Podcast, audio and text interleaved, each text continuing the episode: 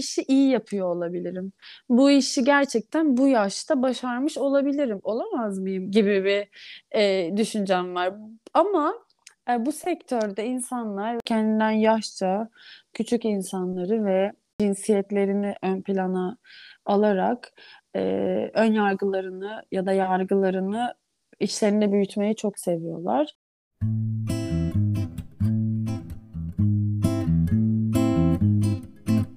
Herkese merhaba, ben Yasemin Bahlon Nirun. Kendine ait bir oda podcast'in 31. bölümüne hoş geldiniz. Bugünkü konuğum Kafa Dergisi'nin genel yayın yönetmeni Ayça Derin Karabulut. Hoş geldin Ayça. Hoş bulduk Yasemin, nasılsın? İyiyim, çok teşekkür ederim. Sen nasılsın? İyiyim ben de. Tesadüf ben de geçen hafta 31. yaşıma girdim. 31. bölüme konuk olmuşum. Geçen hafta girdiysen ne oluyorsun? Terazi. Terazi. Evet. Ben böyle hep aralara yavaştan astroloji muhabbeti sokuyorum. Sonra kendimi Yaşasın. tutuyorum ama tutamıyorum. Çok sevindim. Ben çok severim. Meraklıyımdır biraz ama dinlemeye Evet. sadece yani. Çok bilgili değilim ama. O zaman böyle alakasız bir tahmin yaparak başlayayım. Senin haritanda bence e, yay vardır sanki. Yay ya da ikizler. E, ikizler var yükselenim evet. Ha, yükselen ikizler. Ama böyle Evet. yayla ilgili bir şeyler de muhakkak vardır yayıncılık e, bu kadar. e, Hmm, yani yaşına göre özellikle çok uzun yıllardır yapıyorsun. Ben bile uzaktan takip ediyorum seni. Direkt olarak böyle başlayalım. tabii. E, ya ben seni dediğim gibi hani uzun yıllardır böyle hep uzaktan biliyordum ismen ve takip ediyordum. E, aslında bayağı bir süredir e, sen bu sektördesin e, ve bayağı bir iş yapıyorsun değil mi? Hani böyle bir giriş yapmak Çok uygun oldu evet. Hı hı. Evet yani kendimce çok oldu denilebilir tabii. Yani Kafa Dergisi'nin kuruluşundan beri e, yayın e, yönetmenliğini yapıyorum. 9 yıl oldu o. 2014'te kuruldu dergi. Ondan önce de pek çok yerde staj var ve bu 9 yılda e, radyo ya da işte e, okumak ve yazmakla ilgili aslında pek çok iş yaptım, yapmaya devam ediyorum. Evet. Peki en Uzun. başlıca dönelim o zaman. Oradan başlayıp bir senin hikayeni dinleyelim istiyorum. Hı hı. Ee, nasıldı yani mesela kafadan önceki dönemde de e, hangi üniversitede ne okuyordun Hı. ve hani bu bir plan dahilinde mi gelişti senin için? Tabii anlatayım. Aslında plan dahilinde gelişti. Evet, şöyle e, ben lisede de gazetecilik okudum. E, Meslek lisesinde okudum ve o lisedeki gazetecilik bölümümü bilerek, bilinçli bir şekilde seçtim. Çünkü aslında babamdan kaynaklı bu mesleğe ilgim ağırlıklı olarak. Hı hı. Babam da televizyonculuk yapıyordu. Çocukluğumuzda kameraya, fotoğraf makinesine, işte yazıya, daktilo, kitaplara çok meraklı biriydi. Evde kocaman bir kütüphanemiz vardı falan. Bunu çok kere anlattım ama anlatmayı çok sevdiğim bir şey. Çünkü bence evde e, kütüphanesi olan bir evde büyümek çok e, farklı bir şey E, ve çok e, yararlı bir şey. Bu sebeple anlatmayı da seviyorum. Babama özenerek e, diyebiliriz hikayenin başlangıcı. Ortaokuldayken gazeteci olmaya karar vermiştim. Daha doğrusu gazeteci olmak istediğime karar vermiştim. Ve e, lisede de İstanbul'da e, okudum. Doğma büyüme İstanbulluyum. Ee, ve burada iletişim meslek liseleri var. 2-3 tane lisede sadece. Ben de Maçka Akif Tuncel var e, Nişantaşı'nda. Oradaki meslek lisesinde Anadolu Teknik Lisesi diye geçiyor. Gazetecilik bölümüne girdim. Burayı da bilinçli olarak seçtim. Aslında zaten planım lisede gazetecilik okuyup üniversitede de televizyon okumak ve televizyona bir şeyler yapmak gibi bir hayalim vardı. Hı. Daha doğrusu işte muhabir olmak, haber spikerliği değil de e, yani hem editörü hem habercisi olup hem sunmak falan gibi böyle e, işin mutfağında pişip sonra da böyle bir şey hayal ediyordum. E, dediğim gibi zaten kitaplarla falan çok haşır neşir büyümüş biriyim. E, elimden geldiğince iyi bir okur olmaya çalışan biriydim her zaman. Hala ona çalışıyorum, çabalıyorum, yazmaya çalışıyorum. Liseyi orada okudum, gazetecilik bölümünü ve lise bana çok şey kattı. Ben yani meslek lisesinde okuduğum için çok memnunum o konuda. Hı hı. Ee, ne bileyim üniversiteye geçtiğimde basın tarihi biliyordum, haber yazma dersleri almıştım, e, fotoğrafçılık dersim vardı vesaire vesaire. Röportaj nedir, söyleşi nedir? Ne bileyim lise 2'de dergi yapmıştık mesela bir fotoğraf dergisi. Orada dergi nedir, işte matbaaya gitmiştim vesaire biliyordum. Ee, bu sebeple de üniversitede zaten tercihlerim kısıtlıydı. Meslek lisesi çıkışlı olduğunuz için puanınız otomatik olarak düşüyor. Çünkü yüksek okula geçmeniz gerekiyor tam puanla. Aa. Ben Evet, 4 yıllık üniversiteye girmek istiyordum. Ee, Bilgi Üniversitesi'ni tercih ettim. Orada bir miktar bursla oraya girebildim. Orada da İletişim Fakültesi'ne televizyon haberciliği ve programcılığı bölümü diye bölüm var hala. Çok iyi bir bölümdür. Ee, yani güzel, yararlı, zaten çok iyi bir okuldur iletişim konusunda. Bilgi Üniversitesi'ne girdim. Ee, fakat üniversite hayatım çok iç açıcı, açıcı değil. Ee, kötü bir üniversite öğrencilik serüvenim oldu. Çünkü birinci sınıfta çalışmaya başladım ve çalışmayı çok sevdim. Ve 10 senede televizyon haberciliğinden mezun oldum. E, 2010'da girdim, 2020'de çıktım. Pandemi olmasa belki de çıkamazdım. Pandemi sayesinde çıktım uzaktan eğitime geçince. Çünkü devamsızlıktan kalıyordum sürekli. Evet. E, bu sebeple e, okulda yani üniversitede açıkçası böyle çok bir kariyerime yön verecek şeyler ya da kişisel olarak da beni besleyecek şeyler öğrenmedim. Ama iyi ilişkiler kurdum. İşte çok sevdiğim hocalar vardı. İyi e, akademisyenlerden ders aldım. E, tabii ki çok şey katmıştır ama asıl e, bu işi, mesleği sektörde öğrendim.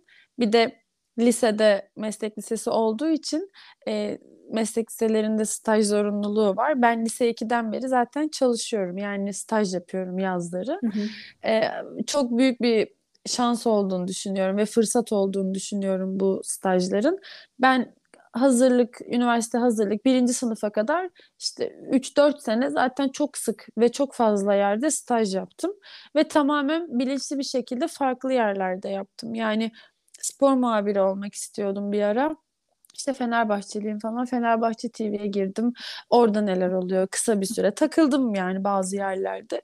İşte Posta Gazetesi'nde ben e, asıl stajımı yaptım lise 2'de. Şu anki patronum ve aslında kariyerimin de e, işte önemli isimlerinden biri olan Candaş Tolga Işık'la falan hep Posta Gazetesi'nde tanıştım mesela. Ve orada tanıştığım diğer gazeteciler ve yöneticiler tabii ki. Mehmet Coşkun Deniz vardı işte o zaman asıl e, yazı işleri müdürüydü gazetenin çok önemli bir isimdir hayatımda yine. Vesaire dediğim gibi o stajlar çok katkı sağladı bana. Birinci sınıfta da çalışmaya başladım. Yine stajyer olarak e, Candaş Bey'in şimdi adı az önce konuştuğum olan TV100 programının TV100 kanalında yayınlanan program o zaman adı Bunu Konuşalım olan Hı hı.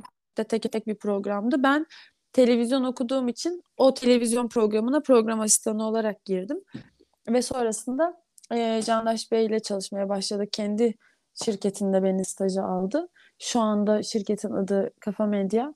O zaman başkaydı. E, iki sene boyunca hem televizyon programında hem o zaman bir haber sitemiz vardı. E, o haber sitesinde röportajlar, söyleşiler derken benim aslında hayal ettiğim e, ortama böyle e, ortaokulda hayal ettiğim ortama yavaş yavaş e, böyle sızmış bulundum diyelim. Başlangıç böyle uzun bir başlangıç oldu kusura bakma.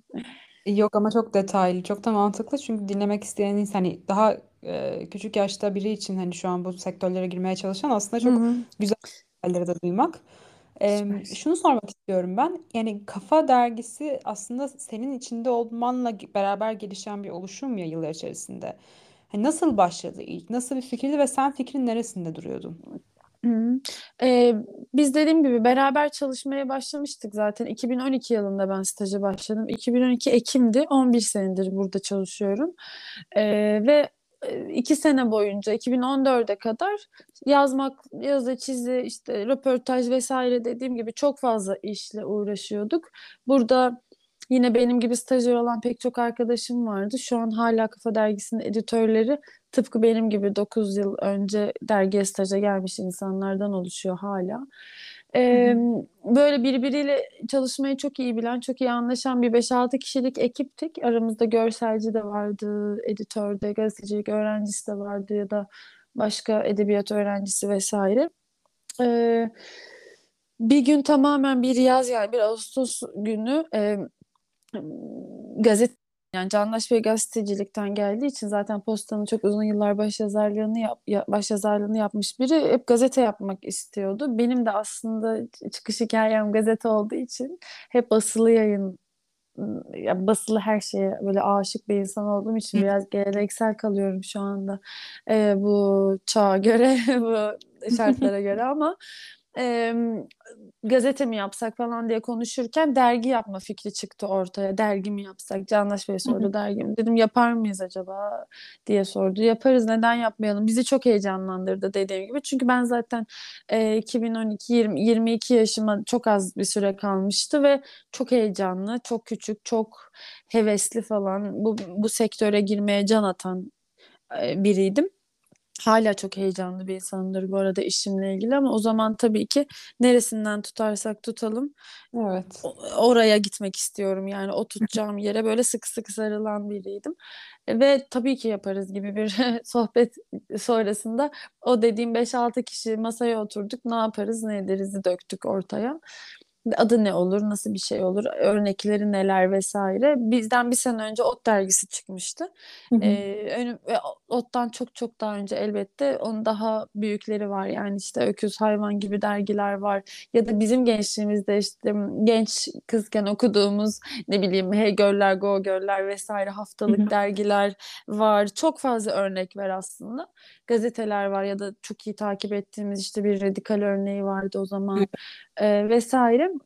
Dedik ki bunları harmanlayıp bizim de hevesli, heyecanlı olduğumuz, bizim de yaşımıza uygun ne yapabiliriz? Sonuç olarak kafayı yaptık ve adı da Candaş Bey söyledi kafa olsun diye ee, ve bir şekilde bu dergiyi kurmuş bulunduk. Ben o zaman kurucu ekibinde yer alan insanlardan biriydim. Ee, ve zaten ilk sayıda yayın koordinatörü olarak başladım. Ee, biraz hani böyle biraz yüzme bilerek bir okyanusa dalmak gibi oldu. Tamamen yüzme bilmeden demeyelim. Çünkü ben hep böyle içgüdülerine ve heves yani merakına çok güvenen bir insanım. Çok meraklı biri olduğunu düşünüyorum. Ve merak ettiğim şey uğruna da böyle e, çok çaba sarf eden, çok çalışmayı seven, e, işkolik demeyelim de böyle çalışmayı çok seven biriyim. Bu sebeple hani rahattım ve kendime güveniyordum ama tabii birilerinin size güvenmesi de önemliydi. O zaman da etrafımda öyle insanlar vardı e, ve o insanlarla hep beraber bu dergiyi kurduk. Ben yani dediğim gibi bu dergi kurulurken masada oturan 4-5 kişiden biriydim. E, çok da memnunum, çok da gurur duyduğum bir dergi açıkçası. Çok memnunum yani yaptığımız şeyden. Peki yıllar içerisinde hani geldiğin noktada sonrasında da Kafa Radyo'da yaptığın bir program var şu an ve dediğin gibi hani kitap kulübü yapıyorsun Hı ve hı. hani okuma yazma üzerinden de belli ki bir e, tutku akışı var. E, şunu sormak istiyorum. Hani şu an geldiğin noktada nelere en çok heyecan duyuyorsun? Hani o merakın kaydı mı yoksa hala aynı yerde duruyor mu? Bölündü mü? Nasıl bir durumda şu an? E, açıkçası dergi beni hala çok heyecanlandırıyor. Her ay içerik toplantısında ne kapak yapacağımızı düşünmek, sonra onun içeriğini yapmak, sonra dergi ilk çıktığında gidip hala bayiye işte kafa dergisi geldi mi vesaire diye soruyor olmak falan birinci sayıdan beri hissettiğim şeyler. Bunlar beni çok heyecanlandırıyor. E, dergiye dediğim gibi bir e, tutkulu bir şekilde gerçekten bağlıyım ve çok seviyorum. Ama onun dışında radyo ekstra bir hikayeymiş. Ben radyocu değilim. Um, ve 2019'da Kafa Radyo kurulduğunda sağ olsunlar aslında dergi kontenjanından bana da bir fırsat verip program yapmama izin verdiler Nihat Sırdar ve Güçlü Mete. Ve Kitap Kafası diye bir program yaptım. Ben çok okuyan ya zaten Kafa Dergisi'ni yaptığımız için edebiyatla sadece edebiyatla değil işte kültür sanatla vesaire çok ilgili olmaya çalışan biriyim ee, ve çok okumaya çalışıyorum kendimce bunları aktarabileceğim bir alan yaratmış olduk. Ee, ve radyoculuk serüvenim böyle başladı 2019'da. Radyo beni çok heyecanlandırıyor çünkü orası bambaşka. Bir, bir kere canlı yayın yapıyorum ee, ve çok riskli. Ee, saat boyunca işte susmak çok sıkıntılı bir şey. İşte mutlaka böyle işte bir kuralı var ne bileyim 5-6 saniye susmak falan mesela radyoda işte çok ekstra bir durumdur. Oraları yönetmek, canlı yayın yönetiyor olmak o tarz becerilerimi geliştirdi. Ee, kitap programı yapıyor olmak tabii ki çok kıymetli. Çünkü şu an hani televizyon kanallarında ya da başka ulusal e, radyolarda, televizyonlarda çok az kültür sanat programı var. E, bir saat boyunca sadece kitap konuşabileceğim, sadece yazar ağırlayabileceğim bir program yapıyor olmak da beni çok mutlu ediyor ve buna alan açılmış olması da mutlu ediyor ve heyecanlandırıyor. Oraya hala devam ediyorum her çarşamba. E, akşam 8'de Kafa Radyo'da e, o program devam ediyor. E, dediğim gibi yazar ağırlıyorum ya da sadece kendim okuduğum kitaplardan yeni çıkanlardan konuşuyorum. E, kitap kulübü de var. Kitap kulübü beni çok heyecanlandırıyor. Çünkü kitap kulübü daha senesini doldurmadı. Kasım ayında bir sene olacak. Ee, benim son bir senedir böyle en heyecanlandığım şeylerden biri. Çünkü fiziki bir buluşma. Online olsaydı muhtemelen bu kadar heyecanlandırıyor olmayacaktı. E, çünkü benim bu işte ne bileyim belki dergiye basılı olarak görüp elle tutulur somut bir şey e, heyecan yani somut bir şey e, görüyor olmak heyecanım aynı şekilde kulübe, radyoya falan da yansıyor bence. Çünkü radyoda da canlı yayın yapıyor olmak, canlı yayın sırasında birileriyle telefonlaşıyor, mesajlaşabiliyor olmak falan çok heyecanlandırıyor. Kulüpte de aynı şekilde insanlarla direkt olarak doğrudan iletişim kurduğum için beni e, ekstra heyecanlandırıyor ve e, sevdiğimiz şeyler hakkında buluşup sohbet edebiliyor olmak e, çok kıymetli. Bu çünkü maalesef artık çok mümkün olmayabiliyor yaşadığımız Hı hı. çağda. Sadece hani Türkiye'de ya da bize özgü bir şey değil, dünyada böyle bir iletişim e, sancısı çekiliyor. Bu sebeple dediğim gibi benim direkt olarak insanlarla temas kurabildiğim her iş beni çok heyecanlandırıyor. Hani mutluyum ve şanslıyım ki tam da hani öyle işler yapıyorum. Diğer türlüsü e, beni tatmin etmeyebilirdi. Ya dediğin gibi aslında şu an öyle bir e, dönemde yaşıyoruz ki herkes bağ kurmaya bir anlamda hasret. Yani Hı hem hı. bir yandan herkes çok daha birbirine bağlı bir yandan da e, uzak bir şekilde. Dolayısıyla bence mesela kitap kulübü gibi e, veya her türlü karşındaki insanın da geri dönüşünü alabildiğin şeyler sen, yani üreten kişiyi de besliyor aslında. Hı hı. Ee, çok iyi arkadaşlıklar kurdum mesela şeyde kitap kulübünde çok tatlı insanlarla tanıştım. Radyoda aynı şekilde dergi zaten öyle. Ee, ama hani kitap kulübü falan beni böyle çok neşelendiren, çok besleyen, çok heyecanlandıran bir şey. Seviyorum orada bulunmayı. Peki geleceğe dair seni hani heyecanlandıracağını düşündüğüm şeyler var mı? Yoksa bunları böyle geldikçe e, anlamaya çalışan bir insan mısındır?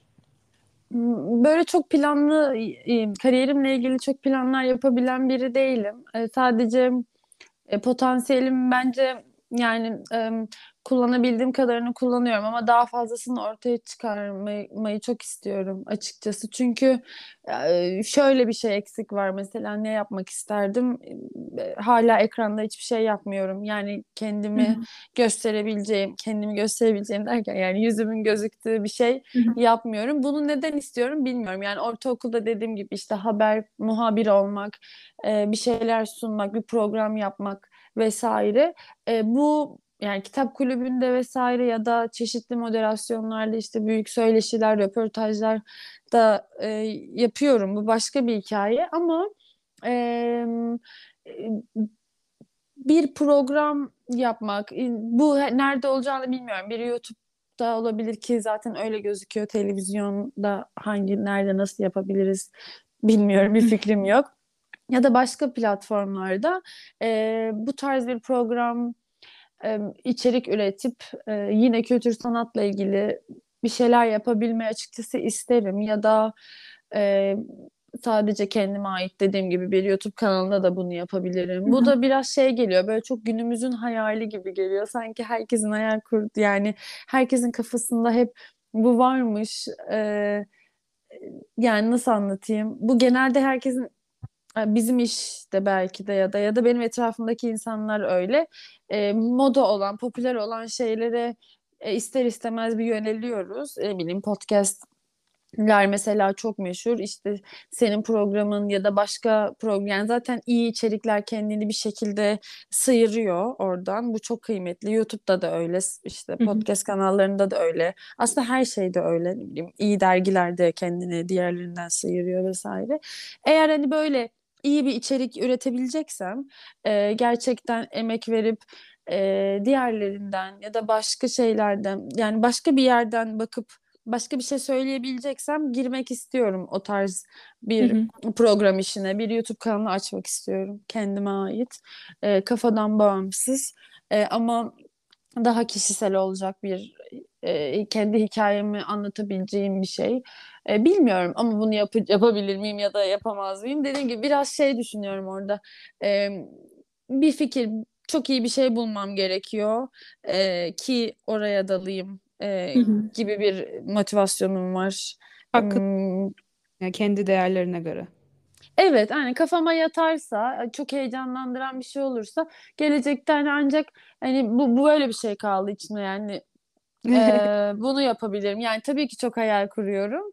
Ee, dergiyle ilgili işte kitap kulübünün çok büyüdüğünü çok hayal ediyorum. Ee, yüzlerce insanla belki binlerce insanla aynı kitapları okuyup bunun üzerine sohbet edebileceğimiz çok büyük kalabalıklar hayal ediyorum. Ee, kitap kulübünü büyütmeyi çok istiyorum. Ee, de, belki kitap kulübünü aynı şekilde bir programa çevirmek çok isterim. Hı hı. Ee, falan filan gibi oraları böyle senin de anlayacağın üzere kafam karışık ama heyecanım ve motivasyonum çok yüksek. Ya senin anlattıklarında hani be- bende de sık sık canlanan birkaç düşünce var. Hani doğru anlamış mıyımdır, anlamamış mıyımdır bilmiyorum. Soracağım şimdi.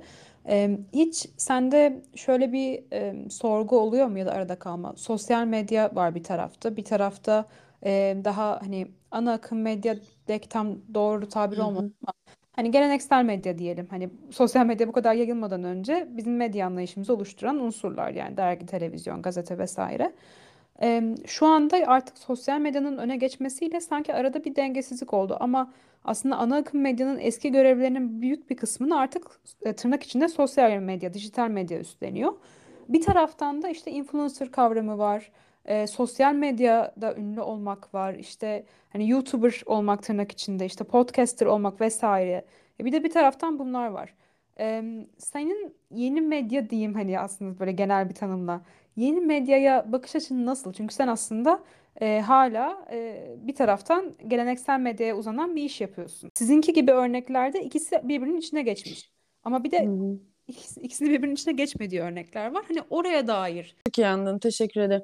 E, açıkçası yok. Ben sosyal medyayı çok seviyorum. E, sosyal medyada ya bu influencerlık, işte YouTuber'lık ya da neyse podcasterlık, şuluk, buluk falan yeni e, yeni dünya meslekleri, yeni çağ meslekleri süper. E, çok heyecanlı. Herkes böyle kendine bir alan buldu. E, ya bir şey çok kıymetli bir şey değil mi bir kere? Konuşmak istediğim bir şeyler var ya da birileri var ve bunu hiçbir şey aracı gerekmeden direkt olarak atıyorum biz seninle de buluştuk. Yani anlatabiliyor muyum? Belki başka şekilde olsa e, belki daha eski bir zamanda olsak ne bileyim beni tanıyan biri oradan o falan ya da ben sana ulaşmak istiyorsam ya Yasemin'e nasıl ulaşırımlar şunlar bunlar gibi bir şey olacakken işte Instagram'dan yazıştık ve tanıştık. Şimdi sohbet ediyoruz. Çok kıymetli. E, açıkçası bunların e, senden bağımsız şu an bu konudan bağımsız soruna dönecek olursam çok kıymetli e, işler ve çok kıymetli meslekler olduğunu düşünüyorum. E, yani bunu düşünecek hani e, şey olarak ben dediğim gibi ne kadar böyle gerek geleneksel geri geri kafalı diyecektim kendime. Ne kadar eski kafalı ve geleneksel biri olsam da e, yeni e, yeniliği çok seven ve bu çağın bu mesleklerini çok böyle hayranlıkla izleyen e, ve özenen, e, imrenen de biriyim e, böyle içten içe. Çünkü dediğim gibi yani aslında e, kişisel olarak herkesin kendi kendine ait bir alanı, kendine ait bir odası, kendine ait bir e, ekranı, kendine ait bir işte yazı alanı vesaire olması süper bir şey. Çok heyecan verici ve çok güzel, çok kıymetli. Daha da çoğalsın, daha da büyüsün. Herkesin böyle e, yaptığı işler okunsun, dinlensin, izlensin falan çok isterim. Ama tabii bir taraftan da kocaman bir e, şey ne denir çukur yani kötü olmayan aydınlık bir çukur diyelim karanlık demeyeyim de gerçekten de bir yandan acayip büyük bir havuz ve içinde çok fazla içerik var, çok fazla insan var ve buralardan sıyrılmak e, zor da bir taraftan. Her ne kadar hani kendini tatmin edecek bir şey yapıyor olsam da sonuçta izlenmek için, dinlenmek için, birileri tarafından görülmek, anlaşılmak için yapıyoruz hepimiz. Yani dergiyi daha fazla insan okusun istiyorum. Ee, ne bileyim bu podcast'i daha fazla insan dinlesin çok istiyoruz. Birileri için yapıyoruz tabii ki en, en nihayetinde bunu. Ee, oralardan sıyrılmak her ne kadar böyle zor olsa da oralara bir şey, oralara dair bir içerik üretiyor olmak çok kıymetli. Benim yani şey demek istemedim biraz önce de. Hani altını dolduracağım yani Hı hı. Açıkçası bunun kararını verebilecek biri olduğumu düşünmüyorum şey olarak. Bu da çok boş. Ben şöyle bakıyorum bütün olaylara. Ee, bir şey var. Mesela çok popüler. Popüler olan şeylere hiç karşı değilim. Zaten ben de popüler bir iş yapıyorum. Ee, çok izlenen, çok okunan kitaplar, çok izlenen filmler, çok izlenen dizilere mutlaka bakarım. Ee, çok konuşulan biri vardır. Onun hikayesini ya bu neden bu kadar konuşuluyor mutlaka öğrenirim. Dilan Polat davasını anlatırım an- şu anda. İşte TikTok'ta şu an ne popüler çok iyi biliyorum. Çünkü merak ediyorum. Ee, İnsanların hikayelerini çok merak ediyorum. Yapılan işleri çok merak ediyorum. Bu neyin ne kadar konuşulduğunu çok merak ediyorum. Ne neden bu kadar konuşulduğunu merak ediyorum. Bu yüzden e, bir şeyleri izleyip, dinleyip, okuyup, görüp sonra karar veren biriyim her zaman. Böyle ön yargılarım çok yoktur. E, hiçbir olaya karşı. Bu sebeple işte YouTuber'lıkta, influencer'lıkta, şuydu buydu falan hiçbir şeye karşı bir ön yargım yok. Bakarım e, kendimce kendi değerlerime, kendi yargılarıma e, uyan bir şey mi? Bundan beslenebileceğim bir yer var mı? Bana nasıl alan açabilir falan. Biraz da olsa bakarım, atıyorum bir bölümde olsa dinlerim, izlerim ya da neyse ya da o kitabı okurum. Sonra karar veririm. Dedim ki ben bunu, bu bana göre değil, ben bunu beğenmedim ya da bundan hoşlanmıyorum ve ben sonra onu kişisel olarak artık şey yapmam yani kendi circle'ımdan çıkartırım. E, ama olaylara bakış açım genelde hep böyle. Bir öğreneyim, ben bunu bir ne olduğunu anlayayım da sonra karar veririm gibi bir yerden bakıyorum. Hı hı. Genelde de dediğim gibi her şeye bakarım, her şeyi izlerim. E, şey böyle doyumsuzum zaten o konuda. Yetişemiyorum da çok fazla bu sebeple. Ama e, bu, bu beni besleyen bir şey yani bu kadar kalabalık olmak. Hı hı. Peki Türkiye'de şu an hani yani hem işin gereği hem karakterinin eğiliminden anladığım kadarıyla popüler olanın takibini yapıyorsun Hı zaten. hı. Ee, şu anda mesela Türkiye'de popüler olanlar şeylere göre hani her şey dahil buna. e, nasıl düşünceler geçiyor kafandan son zamanlarda? Yani e, çünkü neyin popüler olduğu aslında çok fazla şeyi yansıtıyor ya bir ülkeye dair. Hani hem sosyolojik anlamda hem her anlamda aslında. Hani medyada bir yansıma oluyor bunun için. Mesela böyle baktığında son dönemde dikkatini çeken olaylar var mı? Hani mesela dergi gündemine almayı düşündüğün, geçtiğimiz aylarda işlediğin vesaire. Yani böyle spesifik bir örnek aklıma çok az çok az geliyor. Hı hı. Yani bileyim seçim sayısında Kızılcık Şerbeti kapağı yaptık biz Evet. mesela Nur Sema'yı. Ee, o benim için mesela buna örnek verilebilir bir şey. Çünkü işte ülkede konuşulan aslında her açıdan senin de dediğin gibi işte siyasi, ekonomik, işte sosyolojik vesaire pek çok alanda böyle eleştirilen, değerlendirilen, hakkında yazılar yazılan e, ve böyle makaleler falan yazılan bir di- dizi oldu. E, biz seçim sayısını Kızılcık Şerbeti yaptık. Bizim için çok önemli bir sayı sonuçta. Bütün ülke için olduğu gibi seçim dönemi. E, bizim için de çok önemliydi. Ve böyle seçimi nereden göreceğiz, nereden göreceğiz derken e, Kızılcık Şerbeti Nur Sema karakterinden ve işte hocamdan atılma hikayesi sonra ailesine buna söylemesinden gördük. Logomuzu değiştirip 6284 yaptık. E işte ne kızılcık şerbeti içtik diyeceğiz ne kan kustum diyeceğiz gibi bir şey söz yazmıştık. Tam tersi de olabilir. Unuttum şu anda. E, buradan gördük. Ben açıkçası mesela bu beni son zamanlarda en çok heyecanlandıran kapaklardan Evet. biri olmuştu.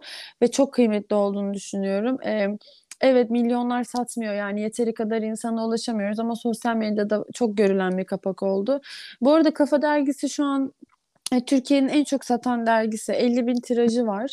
E, ama 50 bin deyince çok az geliyor tabii kulağa çünkü bu okuma oranları ve yani Evet. gazete bile satmıyor 50 bin ama buna rağmen e, dediğim gibi çok iyi satan şu anda basılı yayında rakamları ciddi şekilde e, ciddi yerlere ulaşan bir dergi. 50 bin satıyor, 2-3 katı kadar da okunan bir dergi. Sosyal medyası da çok etkili. Bu yüzden Onur Sema Kapağı da sosyal medyada çok e, şey almıştı. E, Çok etkili, Hmm, evet çok etkileşim almıştı. O mesela beni çok heyecanlandırıyor. Genelde popüler şeylere, gündemi e, bu tarz bir mesajla e, bir şey söyleyebileceksem yapıyorum.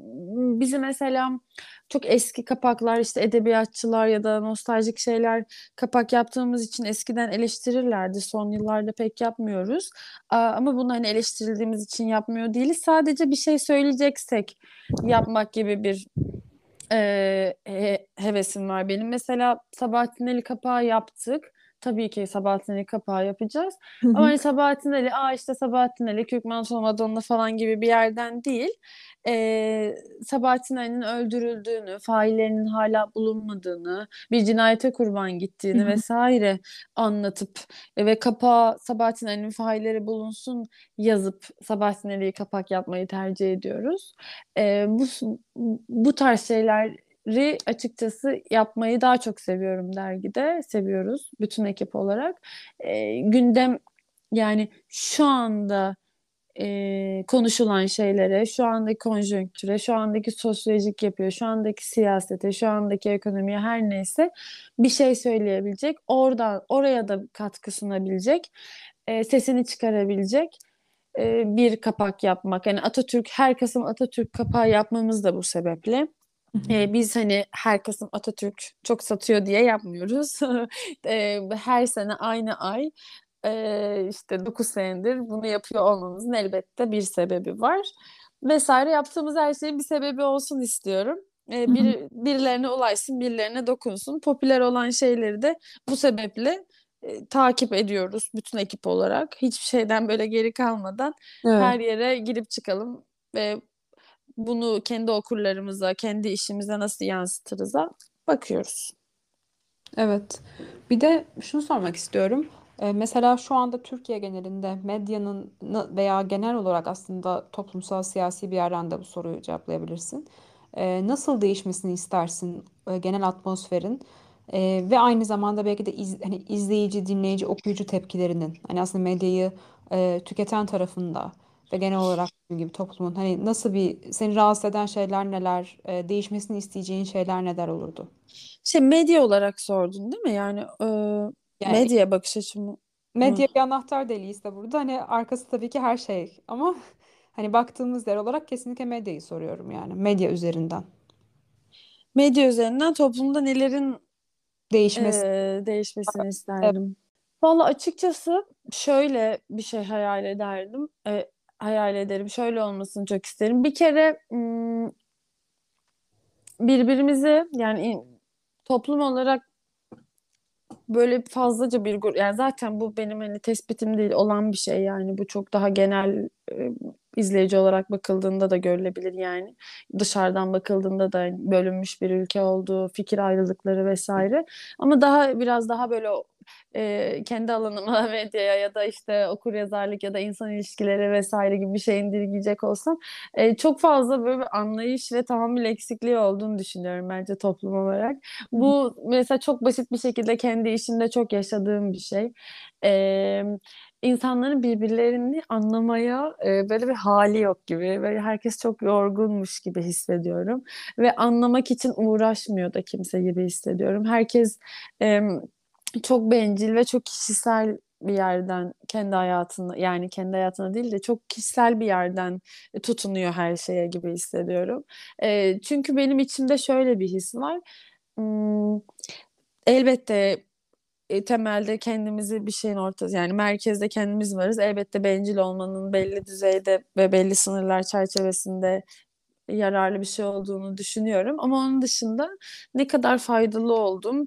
İnsanlara işte bazı şeyleri anlatabilmek için belli araçlarım var. İşte radyo var, dergi var, kitap okuyoruz, işte kulüp var ya da başka bir şey. Pek çok insanın da başka araçları var.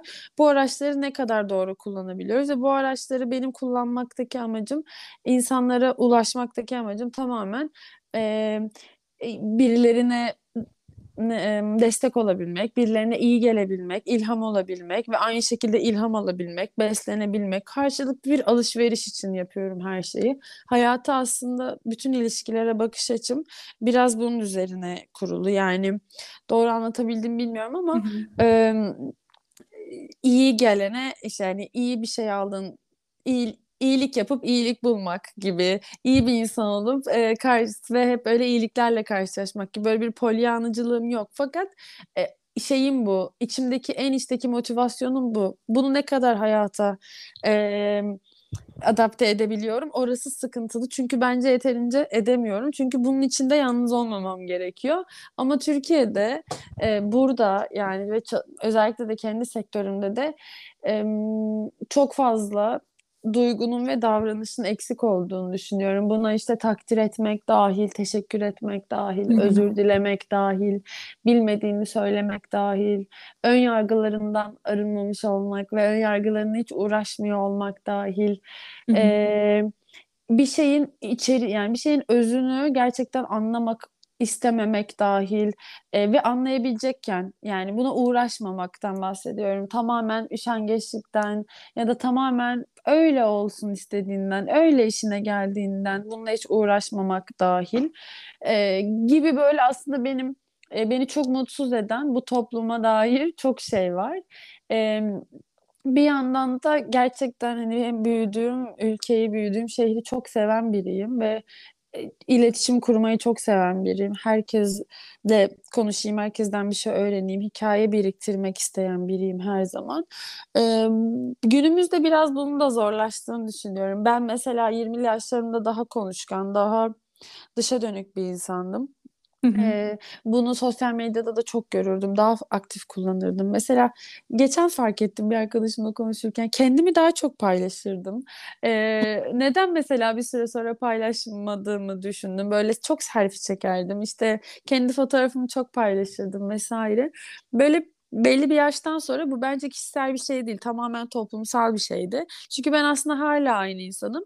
Ama üstümde baskı hissetmeye başladım. Belki yaptığım işle alakalıdır. Belki birazcık görünür olmaya başlayınca gelen o işte ne bileyim az da olsa gerginlikten falandır. hı. Ama aslında yargılandığımı hissettiğim için yapmamaya başladığımı fark ettim. Yani birileri tarafından ya bu ne yapıyor şimdi? Çünkü mesela şey de var. Konudan konuya atladım kusura bakma ama güzel. şu da var. İşte edebiyatla ilgileniyorum Hı hı. dergi yapıyorum ve her zaman çok ciddi bir insan olmam gerekiyormuş gibi bir şey yüklendi. Ve yani böyle şakasına bile arkadaşlarım şey derdi. İşte bu da edebiyat yani işte biz de seni edebiyat yapıyoruz sanıyoruz. Bu ne biçim şaka? Sallıyorum tamamen. Hani böyle şakasına bile dediklerinde aslında gerçekten içten içe bunu gerçekten düşünen insanlar var diye hani ne bileyim ben işte futbolla çok ilgiliyim. Çok ilgiliyim ama yani bütün çocukluğum Fenerbahçe maçlarında geçti ve hala öyle. Her maça giderim. Ben deplasmanlara falan gidiyorum. Ee, ve çok seviyorum gerçekten. Orası benim böyle acayip böyle dokunulmaz bir alanım yani. Çok mutluyum orada. Orada bütün kimliklerimden sıyrılmış hissediyorum. Ee, yargılanmadığımı hissediyorum. Maça gittiğimde falan sadece futbolla ilgileniyorum. Ve bu şey benim için böyle ee, bunu yapan insanlara da aşırı saygı duyuyorum. Çok da anlıyorum. Bunu yapmayan insanları da çok anlıyorum. Ama mesela ben edebiyat tırnak içinde öyle olduğumu düşünmüyorum ama işte edebiyatçı ve edebiyatla uğraşan biri olarak mesela futbol izlememiş olmam, izlemiyor olmam gerekiyor gibi bir algı var. Ya o kadar tuhaf geliyor ki ama sonra diyorum ki Fazıl Say'da maç izlerken yastığa koltukları vuruyor yani sorun değil. Yani oluyor böyle şeyler. Ee, ben sadece bu kadar e, her şeyin bu kadar Evet her şey zaten çok ciddi ama bu kadar neşesiz olmak zorunda değil. Edebiyat da öyle, hayat da öyle zaten. Elbette ciddiye alabiliriz. Ee, ciddiye almakta bir problem yok. Zaten her şey çok ciddi. Ama bu- bunu bir neşe içinde yapabiliriz diye düşünüyorum ve ben biraz artık toplumun oraya bağlayacak olursam neşesini kaybettiğini düşünüyorum her alanda. Evet yani ya böyle sırf neşe için aşırı yüzeyden e, giden ve böyle belli e, daha öyle bir yerden bir şeyler Hı, var vesaire bir tutum var. Ama sanki dediğin gibi daha hani ciddi tırnak içinde olan veya daha derinliği olan konularda neşe yavaşça kaçıyor. Ve Evet. gerginlik yükleniyor yavaş yavaş. Çok doğru. Çok katılıyorum. Evet. Teşekkür ederim. Biraz uzattım ve koptuysam kusura bakma ama. Yok olur mu? Aksine zaten senin düşünce ritmini duymak buradaki amacımız. Ee, tamam. Teşekkür ederim. E, şunu da sormak istiyorum. Geçtiğimiz 10 yılda diyeyim yani aslında meslek hayatını ve belki de yetişkinliğini Hı hı. soruyorum bu soruyu. Ee, sarsıldığın, çökmeye yaklaştığını hissettiğin, bir anlamda vazgeçtiğin vesaire böyle iniş çıkışların inişleri oldu mu? Ee, böyle döne- böyle bir dönemin veya dönemlerin oldu mu? Yoksa her zaman gerçekten böyle daha e, rayında giden bir insan mısındır? Yok ben hiç rayında giden bir insan değilim. Ta- e, psikolojik olarak çok zorlanan bir insanım genelde hayata dair. Zaten böyle 7 senedir falan terapi alıyorum aynı e, yani çok 20 23-24 yaşımdan beri. E, ve çok bö- böyle istikrarlı bir danışanım yani böyle çok seviyorum terapiye gitmeyi ayrıca çok iyi geldi. Ama o terapi sürecinde hani biliyorsundur e, ya da bilenler vardır dinleyiciler arasında bir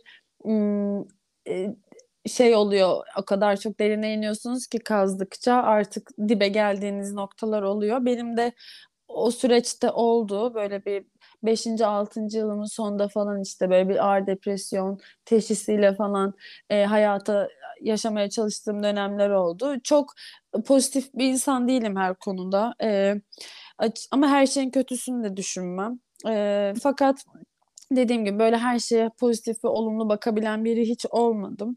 Ee, kırgınlıklarım çoktur. Ee, işte çok erken yaşta babamı kaybettim. Onun e, şeyiyle, e, ağırlığıyla da yaşamaya çalışırım. İlişkilerimi ondan sonra, ondan önce gibi bir e, düzende yaşamaya başladım. O yüzden aslında işte 20 yaşında kaybettim babamı ve sonrasında aslında her şey değişti ve e, benim ona ayak uydurma sürecim vardı. Her şey derken aslında hayatımda çok bir şey değişmedi ama duygularım değişti. İşte kayıplar, yaslar, yorgunluklar, yokluklar e, böyle her adımda, her alanda karşıma çıkmaya başladı.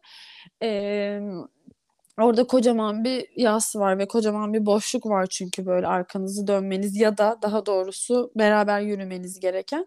Onunla yürümek zordu. O süreçte bir de bir iki sene içinde hemen işte böyle çok önemli bir iş kuruldu. Bunun başına getirildim. E, mesleki olarak da e, çok e, dengesizlikler yaşadım. Çünkü çok genç yaşta genel yayın yönetmeni oldum. Aslında Türkiye'de ya da dünyada da öyledir.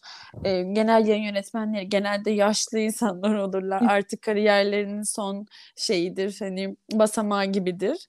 E, benim kariyerimin ilk basamağı oldu. Bu sebeple çalıştığım insanlar çok önemli gazeteciler, yazarlar, çizerler vesaireydi. Onlara kendimi kabul ettirme sürecim hem gençtim hem de bir kadındım. Yani genç bir kadın olarak onların arasına sızmam gerekiyordu. Ee, bir şekilde ama benim hayat mottolarımdan birisi budur. Yani kolumda da yazıyor Leonard Cohen'in bir şarkı sözü var. E, Her şeyde bir çatlak var. Işık oradan içeri sızar. Kendimi hep böyle o ışık gibi çatlaklardan sızmaya çalışarak çalışırken bulurum. Özellikle 20'li yaşlarım böyle geçti. E, hem iş anlamında hem özel hayatımda hep böyle e, engellerle karşılaşıp sonra işte düzlüğe çıkmışlığım olmuştur ve yanımda açıkçası o e, tek başıma değildim elbette. O ışıklar ara- şey çatlaklardan sızarken e, destek olan insanlar vardı elbette. Ailem, arkadaşlarım, e, iş yerinden arkadaşlarım vesaire. Birilerinin desteğini aldım ama çok inişli çıkışlı bir insanımdır. İnişlerim daha çoktur hatta. Çok oldu. E, Sadece inmeyi severim. Yani dipte olmayı severim. Vurup çıkabilmek daha kolay olduğu için o da. Çünkü arada kalmak, araf beni daha çok yorar her zaman. Ee, böyle gri şeylerden pek hoşlanmam. Aynı şekilde işte depresyonsa ağır depresyon okey onu da yaşayalım da çıkalım buradan gibi bak bakış açım vardır. Böyle kendimi bırakmam. Hayatla e, ve karşıma çıkan şeylerle em, el ele yürümek istiyorum. Yani böyle bunu yapıyorum genelde. Onları yok saymak yerine e, ne bileyim çalışması zor bir insanımdır. Çok stresliyimdir.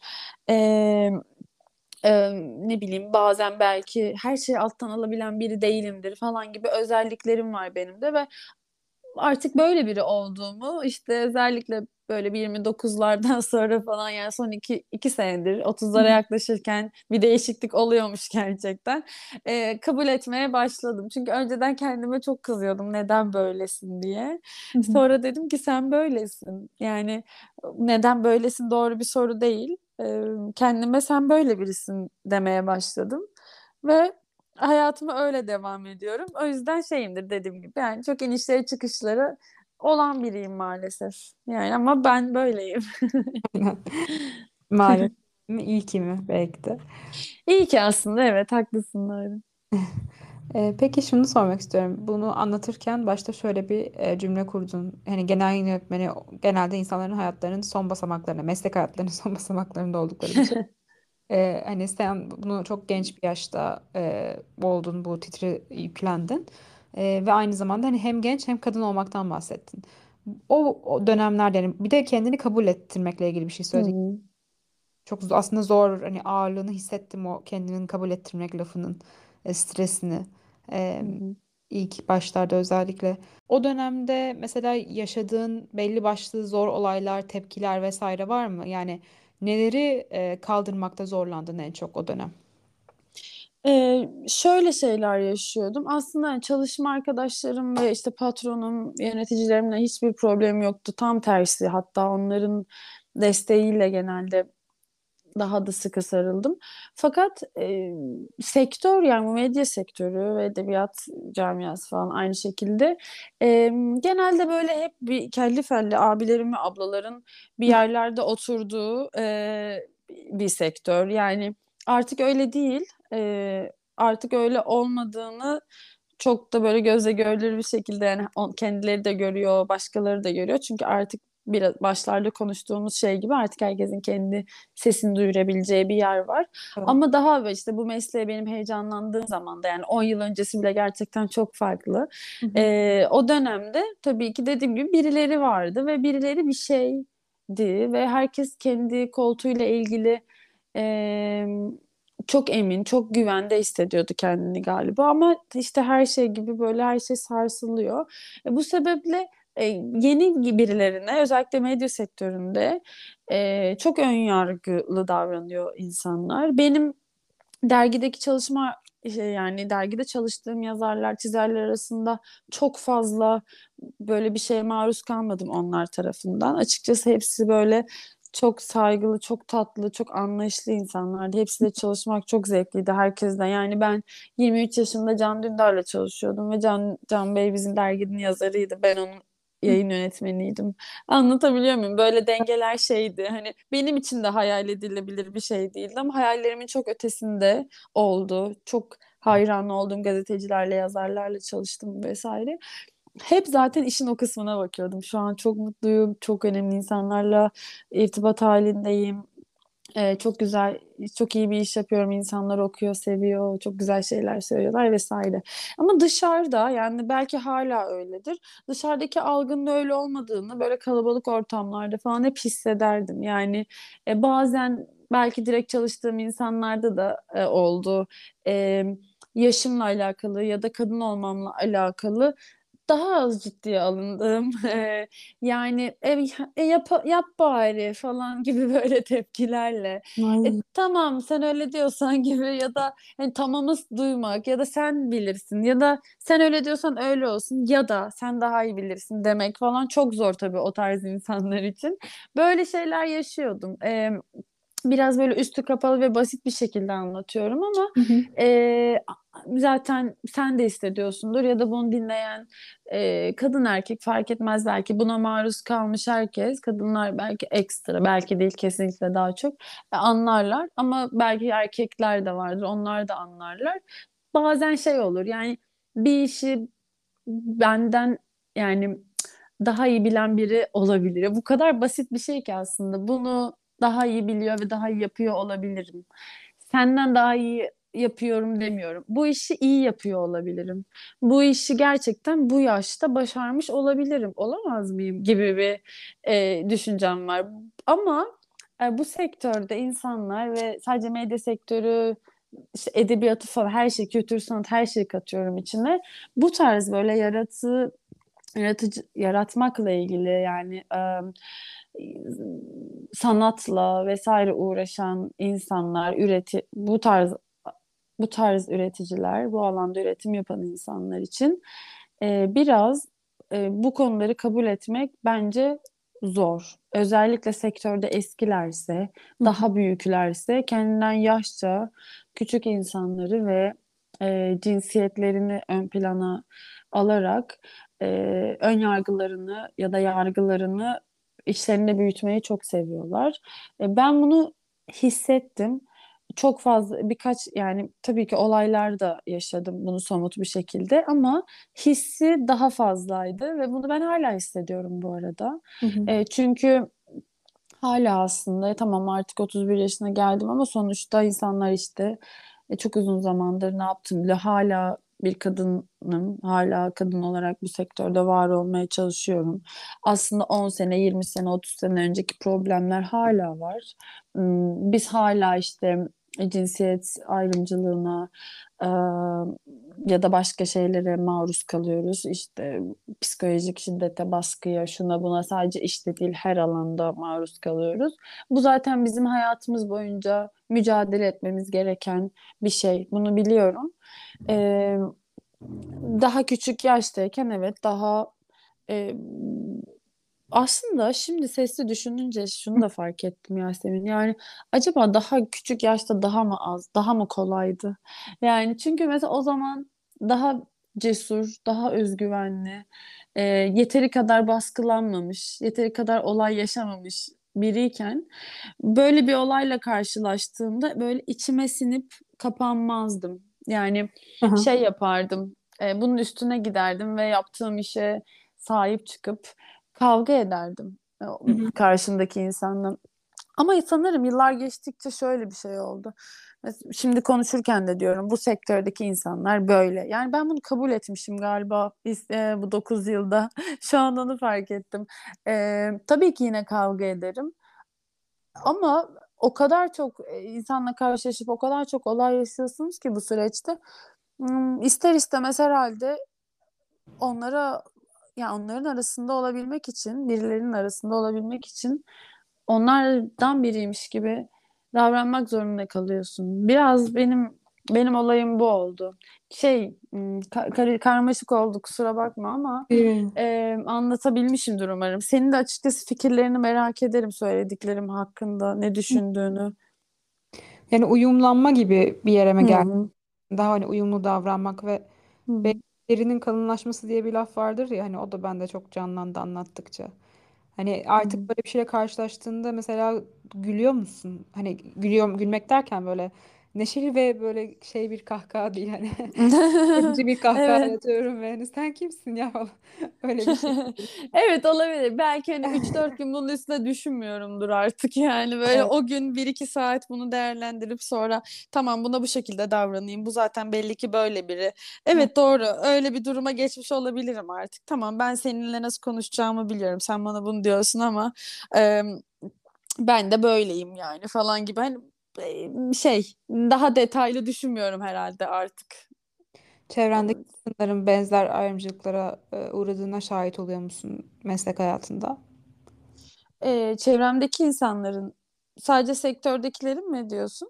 Evet evet. Mesela günlük iş hayatında da olabilir. Hani E, tabii kesinlikle oluyor. Bence hala da oluyor. Yani bu bu biraz böyle şey duman gibi havada. Yani şöyle duman gibi. e, bu mesela bizim kadınlar arasında, kadın arkadaşlarımızla biz biz kendi aramızda konuşurken çok net konuşuruz bu konuları. Çok somuttur çünkü her şey. Mesela bir kadın ben onu anlatmadan da anlar zaten. Tahmin eder artık ne yaşadığımı falan. Bu tabii erkeklerle aynı erkekler arasında böyle değil. Erkeklerle kadınlar arasında da böyle değil.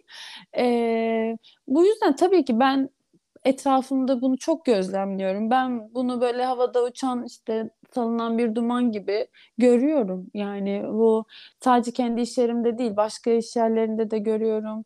Kendi arkadaşlarımla konuşurken de görüyorum. Ee, bu sektörde de görüyorum. Ne bileyim edebiyat dünyasında hala kadın yazar diye bir tanım olmasını da görüyorum. Ee, neden erkek yazar, yazar ve kadın yazar var mesela. Öykücü ve kadın öykücü var atıyorum. Neden öyle olduğunu sorguluyorum. Kadın gazeteci var falan. Bu tanımların e, çok ötesinde, çok artık çok geride kalmış olması gerekiyor. Biz bunların çok ilerisinde olmamız gerekiyorken bunları görmek bile mesela beni böyle çok irite eder yani.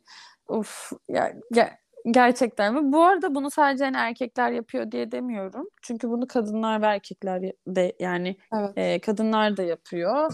İşte belki farkında olmadan biz de yapar, yapıyoruzdur bazen birbirimize ne bileyim mükemmel değiliz ama gerçekten bu konuda kendimi çok kafamı açmaya çalışan bir insanım. E, davranışlarımı değiştirmeye, geliştirmeye, dönüştürmeye çalışan bir insanım her zaman. E, yani şahit oluyorum. Dediğim gibi bu tanımlar, tanımlamalar bunlardan biri zaten. E, daha daha büyük bir şey örnek vereceksem ne bileyim maaş konuları, eşit ücret hikayeleri, oyunculukta öyle sadece işte bizim işimizde değil ne bileyim kadın oyuncular var, kadın oyuncular erkek oyunculardan daha az para alıyor falan. Böyle yılın 2024'de gelmek üzereyiz ve hala bunları konuşuyor olmak çok e, komik de geliyor bir taraftan. E, ama biraz önce söylediğim gibi biz Yani bizim mücadelemiz sürecek hep böyle çok uzun yıllardır böyle Ee, bu kadın mücadelesi ve daha doğrusu eşitlik mücadelesi, feminizm mücadelesi diyelim. Ve bu eşitliği bütün hayatımız boyunca herhalde kazanmak için savaşmaya devam edeceğiz gibi hissediyorum. Çünkü bu kendiliğinden olmayacak. Yine biz düzelteceğiz, biz değiştireceğiz her şeyi. İnşallah öyle olur yani. Evet. Sana Hmm, soru sormak istiyorum. Ee, sonra daha fazla zaman almadan kapatacağım. Ee, ne demek? yazmayı yani daha doğrusu edebiyat anlamında hani kendin bir kitap yazmayı vesaire veya belki bir senaryo başka bir format e, bu anlamda yapıyor musun veya düşünüyor musun gelecekte? Ee, ben uzun yıllardır bir öykü kitabı yazıyorum. Bu artık böyle bir efsane gibi de oldu. Çok kadar çok uzun zaman oldu ki Ya. çünkü. Evet ama açıkçası zamanın yani acele 20 ile 20'li yaşlarımda çok acele ediyormuşum. Yazamıyorum, yazamıyorum. Ee, olmuyor gibi bir yerden öyle geçti. Aslında elimde öyküler var. Böyle bir e, bir öykü kitabı olacak gibi bir öykü e, dosyam var. E, fakat birkaç sene önce tekrar yazmaya başladım aynı hikayeleri.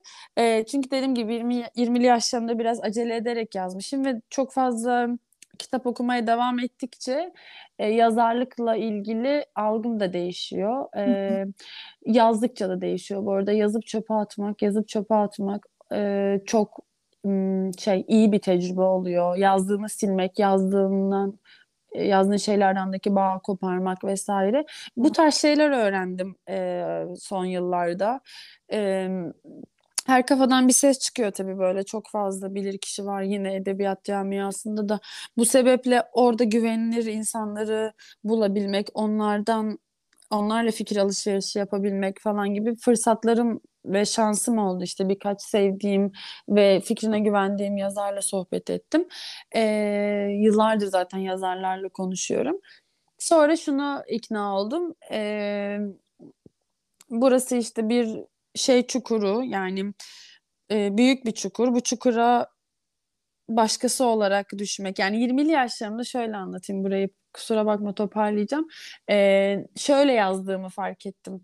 Taklit ederek işte sevdiğim yazarların ya da sevdiğim başka e, yazmakla uğraşan insanların, senaristlerin, şairlerin e, çok beğendiğim şiirlerini, yazılarını, hikayelerini onlar gibi yazmaya çalışarak geçirmişim ilk başta yazma sürecimi.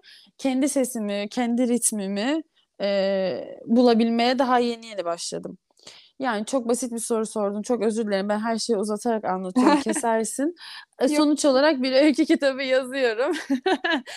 Öykü kitabı yazıyorum ve açıkçası e, daha fazlasını da yazmayı çok isterim. Bir tiyatro oyunu falan yazmayı çok isterim. Tiyatroyu çok seviyorum. E, yazmakla uğraşmak hatta yani hayatımın bir bölümünü e, bir yaştan sonrasını sadece yazar olarak geçirmeyi hayal ediyorum. Ah, çok güzel. E, çok teşekkür ederim Ayça. Anlattıkların için senin eklemek istediğin bir şey var mı? Yok ya sadece dediğim gibi kopuk ve çok hani konuştuysam kusura bakma. Ben çok heyecanlı bir insanım ve böyle e, radyoda falan da hala her hafta aşırı heyecanlanıyorum. E, sen senle de konuşurken tabii heyecanlandım. Birilerinin dinleyeceğini düşünmek beni birazcık panikletiyor. Umarım içine sinen bir program olmuştur. Çok teşekkür ederim beni davet ettiğin için. Yani programın adı bu arada şahane. Ee, Ya, hani evet benim çok sevdiğim bir kitaptır zaten kendine ait bir oda ama hi- kitabı hiç okumasam bile sadece kendine ait bir oda e, tanımı bile benim için çok kıymetli, çok önemli olduğunu düşünüyorum. Sen de e, bana burada bir alan açtığın için çok teşekkür ederim. ben teşekkür ederim. Sen kendine ait odanı samimiyette bize açtığın için. ne demek? Her zaman. o zaman e, dinleyen herkese çok teşekkür ederiz. Bir sonraki bölümde görüşmek üzere. Görüşmek üzere. Müzik